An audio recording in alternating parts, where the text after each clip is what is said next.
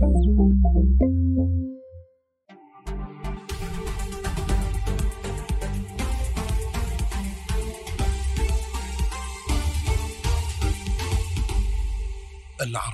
بودكاست. أنا خالد مدخلي، أقدم لكم حلقة جديدة من برنامج سؤال مباشر. مرحبا بكم.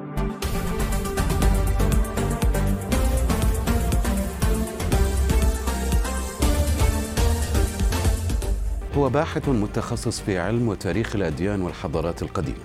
ومن أهم الباحثين العرب الذين أيضا وضعوا النواة الأولى لمشروع يرصد سيرة الأديان من زاوية تاريخية. عشقه للتاريخ لا يتوقف عند حدود الأديان إنما يتشعب أكثر صوب المعتقدات والأساطير وحضارات ما قبل التاريخ. الدكتور خزعل الماجدي الباحث المتخصص في علم وتاريخ الأديان والحضارات القديمة في سؤال مباشر. حياك الله دكتور خزعل معي في سؤال مباشر مرحبا أهلا وسهلا أستاذ خالد دكتور تقول الدنيا تزداد بهاء ونورا بالعلم والحضارة والثقافة بينما نحن نزداد موتا ودمارا وظلاما بسبب القومية والدين السياسي والطائفي. أليس هذا الخطاب مغرقا في السوداوية والسلبية أيضا؟ شكرا جزيلا على الاستضافة أستاذ خالد. الحقيقة جدا على هذه الفرصة. وأنا كلما يتقدم الزمن أرى أن هذه المقولة تصح. لماذا؟ لأن الشعوب والأمم بدأت تكتشف الحقيقة وتتقدم بسرعة مهولة. وتضع نفسها في طريق التحضر بسرعة. إلا نحن. نحن. ما زلنا مصرين على الماضي لأنه قانون أبدي منزل لا يمكن التلاعب به وبالتالي نحجب عن أنفسنا إمكانيات التحول والت- نحن من؟ نحن العرب؟ هذا يجيبني تشاؤما يعني نحن العرب أم من؟ العرب والمسلمون مم. مم. حلو تفضل نعم هذا الحقيقة يجعلني يعني آه، آه، ازداد تشاؤما لأنه من غير المعقول أن نفوت الفرص في كل فترة. كانت أمامنا فرص مذهله مع بداية القرن العشرين عندما بدأت تتأسس آه، دولنا على أسس جديدة عالمية مقرره من قبل يعني جمعيات أممية مثل الأمم المتحدة وغيرها. لكن مع الأسف الشديد لم نستثمر هذا فيما بعد. بنينا بعض الأمور البسيطة هنا وهناك. لكننا لم ندخل في ركب الحضارة بشكل صحيح.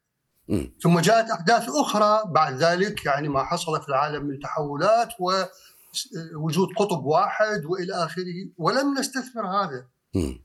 والآن نحن في في معترك حضاري شديد جدا أمام قطبيات جديدة ستنشأ في العالم ولا دور لنا بكل صراحة أقول لك. يعني يعني أنا هذا سؤالي لشعوبنا العربية و- يعني حكوماتنا ودولنا العربية والإسلامية. يعني إلى متى نبقى على هامش التاريخ مم. إلى يعني لماذا لا ندخل في هذا التاريخ الحديث والمعاصر بكل أدواته؟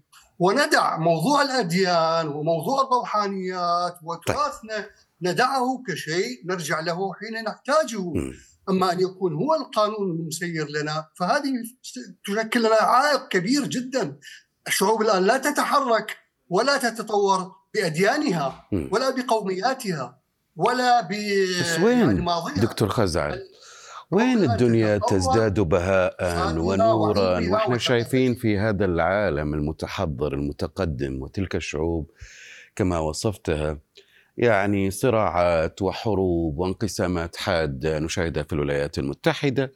صراع مثلا آه، الآن حرب في روسيا آه، بين روسيا وأوكرانيا. صراعات نعم. آه، أيضا سياسية آه، بين بين واشنطن وبكين أمريكا والصين آه، نعم. يعني آه، ممارسات يعني حتى في في في الحرب مثلا الروسية الأوكرانية أنت تعلم ما جرى يعني في الغرب نعم. هذه البلاد التي توصف بأنها فضاء التنوير والتحضر والتطور نعم. وحقوق الإنسان تمنع الموسيقيين تمنع الرياضيين تمنع المثقفين الروس عن اي بهاء ونور وضياء تتحدث في هذه الدول ونحن نشاهد مثل هذه الممارسات والمثلية الجنسية وغيرها من الأمور. نعم نعم. أستاذ خالد الحقيقة يعني لطالما أشرت إلى الخلل الأخلاقي في الثقافة أو في الحضارة الحديثه واللي هي جذور الحضارة الغربية لطالما تحدثت عن هذا الموضوع بإسهاب وقلت أن هذا التطور المادي يحتاج إلى ضبط أخلاقي ومعنوي أفضل. الحقيقة نحن من الشعوب التي اعتنت بهذا الموضوع بموضوع الأخلاق والروحانية. قادرين على أن نأخذ ما نستطيع أن نستفيد منه يعني فكريا وعلميا وحضاريا. ونستطيع أيضا أن نتلمس طريقنا عن طريق مادة الأخلاق العظيمة التي كانت رصيد من ليس فقط من رصيد الشرق بأكمله كانت موجودة وحاضرة بقوة. اذا لا لا ضير في هذا، لا ضير، نحن الآن يعني لا نأخذ يعني لن نقلد الحضارة الغربية أو الحديثة تقليدا أعمى، لكننا يجب أن ننفتح على على على منجز العلوم والثقافات والثقافة الجديدة. أما ان نبقى متفرجين لا نساهم. هذه هي الصعوبه أستاذ خالد. هنا هنا الصعوبة. لكن الا تعتقد إنه من الظلم أن نلقي دائما باللوم على على الدين آه، على القومية كما تقول على أمور أخرى يعني. حتى المكون الديني هو موجود في هذا العالم المتحضر المتطور والذي نشاهده طبعا. اليوم أين أصبح اليوم؟ لا لا صحيح. يعني هي مخ... نرجع مرة أخرى. هي من البداية في خلل في هذه الحضارة الحديثة. من البداية الحقيقة. ليس الآن. عندما أقصت كليا كليا جانب الأخلاق والروحانيات بشكل مجحف واستمرت تنمو بطريقة براغماتية يعني مصلحية عملية وترى يعني همشت هذا الجانب في حياة الإنسان. وهاي النتائج. هذه هي النتائج. شوف الحرية المفرطة هذه وين وصلت بهذه بهذه الحضارات. نحن قادرون على لجم هذا الموضوع. أنا واثق من هذا الموضوع. ليش؟ لأن شعوبنا لا تتقبل بسهولة آه، افكارا من هذا النوع لا غير مستعدة لكن لما لا لما نركز على هذا الجانب ونترك التقدم العلمي الهائل ولا نساهم فيه؟ هل هل هل يعتقدون بأن هذا الجانب ممتاز بس المشكلة هنا دكتور هي, هي في الأسباب التي ذكرتها الدين السياسي القومية دكتور. حلو. بس ح... لكن لم نبدأ إلى هذا اليوم لم ممتاز. نبدا بدليل أنا أتفق معك بس هل المشكلة حقيقة في في في في الدين السياسي الطائفي في القومية أم في الأحادية بالتفرد في الرأي؟ في السياسة بشكل عام يعني الأسباب هي سياسية وهي نفس الأسباب التي تشترك فيها أو يشترك فيها الشرق والغرب كما نشاهد الآن أستاذ خالد هو ليس فقط قرار حكومات م. أو جهات معينة، بكل صراحة أتكلم بكل صراحة وأرجو أن لا يزعل الناس. أي. المجتمعات متخلفة. المجتمعات متخلفة. المجتمع الآن هو الذي اليوم يطالب بتكريس التخلف والتراجع. هذه المشكلة الآن. بالعكس هناك أحيانا بعض الحكومات أكثر تقدما وأكثر يعني علمية من من من شعوبها. الشعوب لا تريد. لماذا؟ لأننا لم لم نعطي هذه الشعوب فسحه للنقاش في هذه الأمور وظلت كما هي. لما لا ننتبه أن ما وضع من مناهج هو لمجرد أخذ شهادة فيما بعد والوظيفة. لكن ليس لتفتيح العقول وليس للاتجاه العلمي وليس للاندماج في في في, في مادة العلم اللي أصبحت هي قضية عالمية وليست قضية محلية. نحن بكل صراحة أقول لك أنا مطلع على طبيعة العلوم المنشطرة يوم بعد آخر.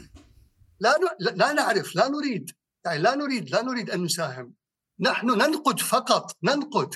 وهذا النقد جاي من على من من من, من مبادئ جاهلة. بكل صراحة أقول لك يعني الذين ينقدون ما ما آه، آه، يعني ما وصل اليه علم علم الفلك والكون الآن الحديث الذي يذهب إلى إلى ما يقرب من 3 13 مليار سنة ضوئية ويرصدها إحنا يجب أن تهتز ضمائرنا يعني لما لا نساهم في هذه الأمور؟ لما لا نكون حقيقة من هذه الحقائق ونعطيها للناس؟ لما نترك الآخرون فقط؟ هم الذين يشتغلون في هذه الأمور. ممتاز. ما عندنا مساهمة. نحن لا ندرس أصلا هذه العلوم في الجامعات. لماذا؟ يعني حقيقة شيء مؤلم جدا. الآن الذكاء الصناعي على سبيل المثال معضلة جديدة طرحت في هذا العصر. م. وهي قادمة. لماذا لا نعرف شيء عن الذكاء الصناعي لماذا لا ندرسه؟ لماذا لا يعني مشكلة مشكلة يا أستاذ خالد. القضية إحنا ما, ما يعني مناهجنا تدرس أشياء ساذجة صحيح. جدا وبسيطة وكان الإنسان خارج من ال- من ال- من العصور الحجرية حتى يتعلم هاي الأمور مم. في حين طلبه في ما أن يتعدون الابتدائية وال- والمتو- والمتوسطه في الغرب حتى وتجدهم يعني يذهبون إلى طيب. حقول دقيقة وعالية وراقية لا لا لا توجد حتى في في في جميل. مراحل الدراسات العليا عندنا في في في مجتمعاتنا. تقول يعمل صراع الأديان في مناطقنا الإسلامية بشكل أقوى من غيره من الصراعات لأن الأيديولوجية الدينية هي المسيطرة على الدين الإسلامي بشكل خاص. ولأن نعم. الإسلام اليوم مصاب بداء الإسلام آه، آه، السياسي.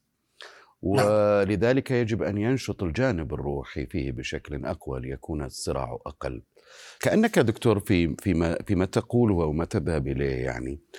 تحمل الإسلام أكثر مما لا يحتمل. يعني تحمله كل المسؤولية عن الجهل والتخلف في عوالمنا يعني في عالمنا العربي والإسلامي وتستثني ال- العوامل الأخرى. وكان المسلمين يعني هم في كوكب والعالم في كوكب آخر. يعني مع أنه نفس العوامل قد تؤثر هنا وهنا. أليس كذلك؟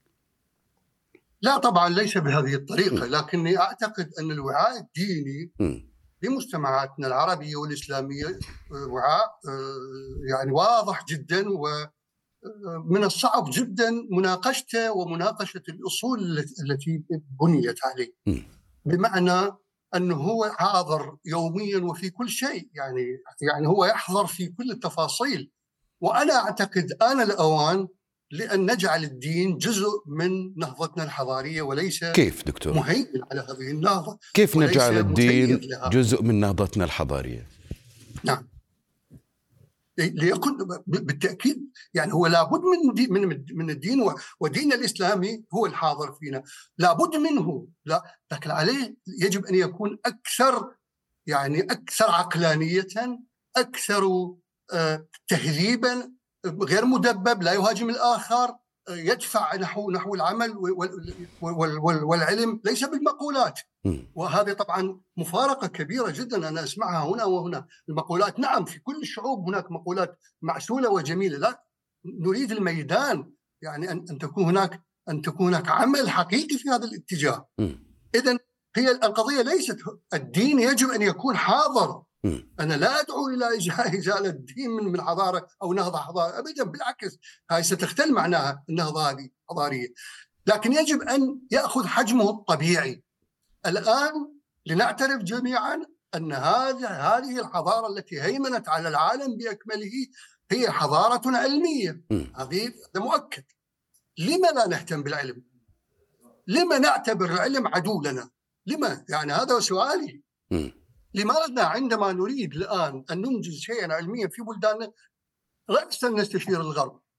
طيب لماذا لا نكون لنا قواعد علمية حقيقية في كل هذه العلوم من خلال الجامعات ومراكز بحوث وعلماء جاهزين في هذا الموضوع؟ لماذا نذهب راسا تعالوا ابنوا لنا فلان شيء؟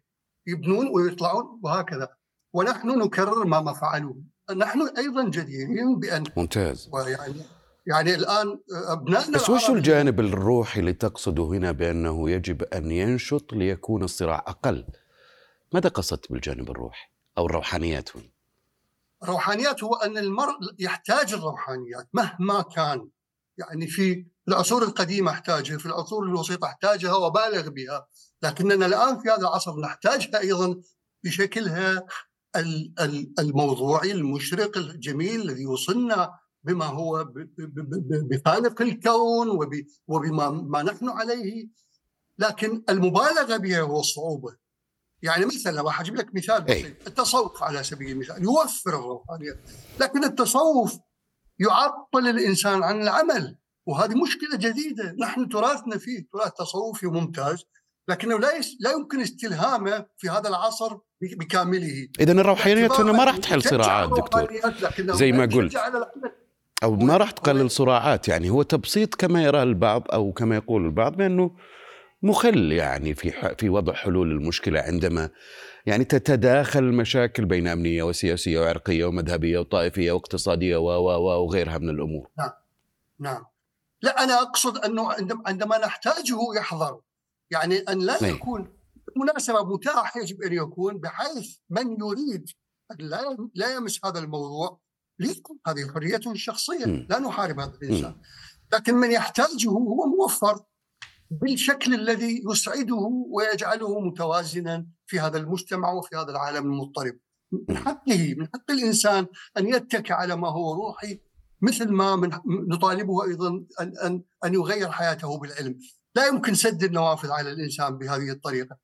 لكن المبالغة به واعتباره هو الحل هو مفتاح الحل الروح أو الدين الدين أو أو روح لا هذه هذه مشكلة حقيقية معناها نحن فيها. مهم. طب والحل؟ نعم. الحل سريعا دكتور. في انتشال المجتمعات من هذه الحالة اللي اللي, اللي ذكرتها. الحل هو الجزء الحقيقي أول شيء نبدأ بالمناهج وبتأسيس يعني علم يعني تعليم حقيقي ومناهج جديدة يا أخوان إحنا مم. إحنا لحتى ندرس أشياء ما ما يعني صحيح. القرن التاسع عشر يعني إحنا مضى على مضى على هذا القرن التاسع عشر يعني قرن وربع يعني 20 والواحد وعشرين. هناك تغير جذري في حياه في في في في, في, في, في العلم ووسائله طيب. يجب أن تتغير المناهج والمناهج ستثمر بعد 30 أو 40 سنة شيئا جديدا جيلا جديدا إيه. ينتج عنها نهضة علمية قابلة للتحقق على الأرض بالكامل. أما أن نبقى بهذه المناهج وننتظر تغييرا فهذا هو المستحيل. ممتاز واضح طيب أنت كاتب وباحث وشاعر أيضا عراقي دكتور ولك ديوان شعري بعنوان أحزان السنة العراقية عن أي سنة حزينة تتحدث في العراق حقيقة هو ال- ال- الكتاب عن عام 2006 في العراق كنت في حينها موجود أنا هناك. كنت يعني قد عدت من من ليبيا كنت أدرس هناك في الجامعة أدرس تاريخ قديم. وعندما عدت إلى هذا المكان يعني كانت العراق قد مضى عليه مدة بسيطة بالتغيير الذي حصل فيه. وعام 2006 عام جهنمي كان في العراق الذي آه، لا يعرفه آه، يعني لم يعش حقيقة آه، كل الذين ما عاشوا الحقيقة شفناه في عيوننا يعني كانت انفجارات يومية تحصل تحصد 400 أو 500 شخص يعني في الأسواق وفي الشوارع كانت هجمة رهيبة وصار استقطاب طائفي حاد جدا كاد يؤدي إلى حرب أهلية مفتوحة يعني كاد يؤدي إلى. والحقيقة صارت يعني مشاكل كثيرة. أنت فقدت ابنك البكر مروان في العراق دكتور مخزعل نعم يعني كان ابني في ذلك الوقت تعرض لهذا الخطف والحقيقة أنا وجدت نفسي اختطف؟ آه. اختطف من من دكتور مخزعل اختطف من جهات لا نعرفها إلى يومنا هذا بعد مضي ما يقرب من 17 سنة. لا نعرف. لحد الآن لا نعرف. هو وزميله له كانت معه في في يغطون مؤتمر صحفي وانتهت بهذا الشكل ما عرفت مصيره دكتور دعنا نح- نحكي, نحكي على الديوان اتركنا من الحادث أستاذ طيب خالد. أنا آسف جدا أعتذر منك إيه. ف آه، يعني أنا وجدت نفسي فيما بعد يعني أنا خفت على عائلتي أيضا والحقيقة أدى بها الموضوع إلى الذهاب إلى آه، إلى ال- إلى ال- يعني الخارج ووجدت لي مكان و ولكني كتبت. وأنا في العراق بدأت أكتب عن الأيام التي كانت تمر وتأكد وهذا موثقه في نهاية الكتاب. آه، اللي هو هذا الكتاب الحقيقة أمامي هذا هو. كل كتب ما شاء الله تبارك الله. على كل حال موجود في آه، كتاب ضخم هو 365 قصيده لأني كتبت عن كل يوم من أيام السنة. فرصدت كل يوم ماذا يحصل؟ لأنه شيء لا يصدق العقل يعني يعني وكل حدث حقيقة. وعندما خرجت في العراق تقريبا في منتصف هذا العام خرجت منه. أيضا في ال... وأنا في الغربة بدأت أكتب نصوص بهذا الاتجاه وتكون لي فيما بعد هذه ال... هذا ال... هذا العدد الكبير من النصوص التي رصدت هذه السنة الدموية يوما بيوم. يوم بيوم إلى آخر يوم حتى في الأخير وضعت ما يشبه ال ال- ال 365 قصيدة ثم اضيفت لها أربع قصائد رؤيا في الأخير وبدأت أنشر بها سرعان ما اتصلت في دور نشر لنشرها في في كتاب ونشر الكتاب آه، بطبعتين ما زال-. ما زال نشر اي تفضل. نعم. تفضل سريعا دكتور لأنه بس أنا ودي أختم معك لأنه الوقت تقريبا أنت آه، المهم نشر الكتاب وهو موجود وطبع طبعتين لحد الآن وسأطبعه طبعة ثالثة. ما زال العراقيون يتذكرون صدام حسين حتى اليوم دكتور على أنه هو صمام الأمان للعراق. يعني أنت تشاهد اليوم المقاطع في ال social media الكثير من مشاهد آه، الرئيس العراقي الراحل صدام حسين. آه، والله م- هل كان مقارنة السيء بالاسوء لا, لا, لا تجوز. أنا من وجهة نظري النظامين سيئين. لا نظام صدام حسين كان نظام جيد و... مم. وللاسف ذهب بالعراقيين إلى إلى الكثير من الحروب التي دمرتهم ولا هذا النظام الطائفي المع... ال- ال- الجيد لأنه أيضا يهدر أموال العراق ويسرقها ولا لا فائدة منه يعني ولا يمكن إصلاحها. هل ستعود يوما إلى العراق دكتور خزعل؟ لا أعتقد. لا لن أعود للعراق لا. راحة العراق. لا أعتقد. لا ابدا. لا أعتقد إني سويت للعراق شكرا لك. خزعل الماجدي أو الدكتور خزعل الماجدي الباحث المتخصص في علم وتاريخ الأديان والحضارات. شكرا لك دكتور يعطيك العافية. شكرا لك. شكرا جزيلا. شكرا. نهاية هذه الحلقة من سؤال مباشر. دائما يمكنكم متابعتنا على مواقع التواصل الاجتماعي تويتر فيسبوك يوتيوب. مشاهدة هذه الحلقة والاستماع إليها على شاهد وعلى العربية بودكاست. إلى اللقاء.